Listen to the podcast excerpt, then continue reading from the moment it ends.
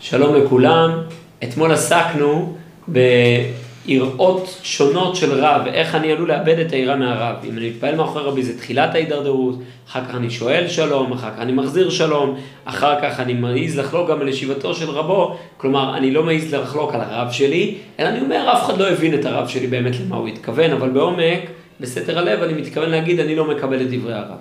אומר הרב קוק בהמשך סעיף ג' וכיוצא בזה. מצינו בדורותינו מאותן שהתחילו לעקם דברי חז"ל שלא כמוסכם בפירושם מכל חכמי ישראל, רק כדי להסכים לדעותיהם הכוזבות. אותו היסוד של חלוקה על ישיבת רבותינו, ראינו את התופעה הזאת, שיש אנשים שלא רצו לקבל את חז"ל.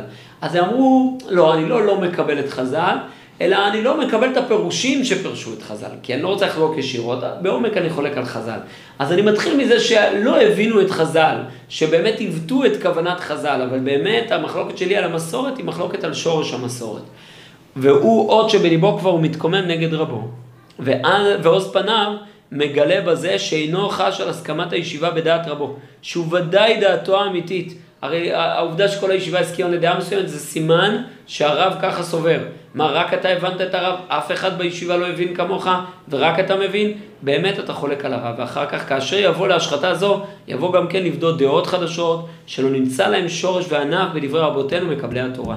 ועיתון שאין אין דברי התורה, כלומר בקצה, הוא יתחיל להגיד, כן, אני מתחיל לגלות פנים בתורה שלא כהלכה. למה? כי אני חושב שאני במרכז, אני לא מקבל מסורת מרבי.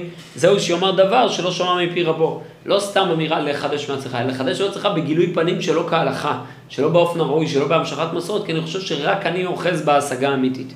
אומר הרב קוק, ושורש כל זה בא מפני התכונה הרעה של עזות פנים, ומיעוט הכרה בגדולת רבו. אני בטוח שאני המבין, אני היודע, אני העז פנים, אני בחוצפתי, ואני לא מכיר את גדולת רבי שאני זקוק לו כממשיך התורה אליי.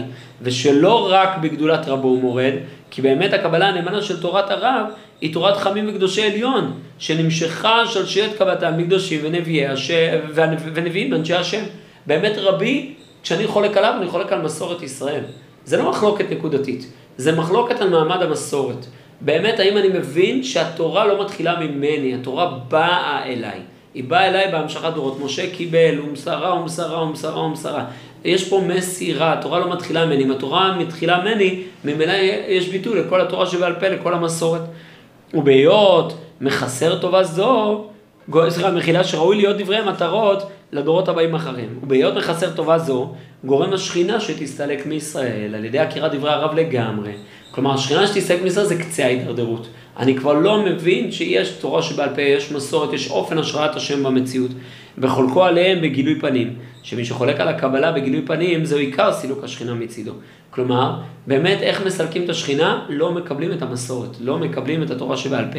ומי שעושה מעשים קרובים, מביאים להרוס יסודות הקבלה והמסורת, גורם הוא לשכינה שתסתלק מישראל.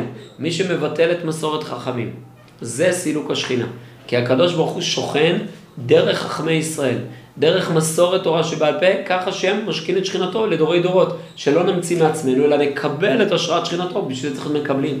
צריך לקבל מהדורות הקודמים, שקדושתן של ישראל וכל מידותיהם הקדושות שנובעות רק מחוקי החיים של תורת הקודש הכתובה, על ידי ברורה בתורה המסורה. כלומר, כל הקדושה, כל המצוות, כל המידות, כל עבודת השם, הכל תלוי בתורה שבעל פה. אם אין תורה שבעל פה, אין כלום. אין שום, שום דבר ליהדות להשאיר לנו. אם אין לנו מסורת תורה שבעל פה, שאינן נשארות, כי אם על ידי הוקירנו דברי רבותינו והגדילנו ערכם, וכבודם בלבבנו ורעננו כאשר הם הבאמת. אנחנו יודעים להבין מי הם באמת, מה הם באמת. אני לא ממציא, אלא אני באמת יודע אותם. אז נקבל הלקח הטוב האמיתי מאבות התעודה והתכלית הנמשכת מקדושת תורת הקודש, והנהגתה תימשך לנו, כלומר, איך נקרא המשכת קדושת תורת הקודש והנהגתה, לזה קוראים השראת השכינה בישראל. השם שוכן בתוכנו. כאמור, בייעוד הטוב הנמשך לקיום התורה, תוצאה של קיום התורה לזה קוראים, ושכנתי בתוכם. למדנו שקיום התורה, התבססות התורה במציאות, היא השראת שכינתו יתברך.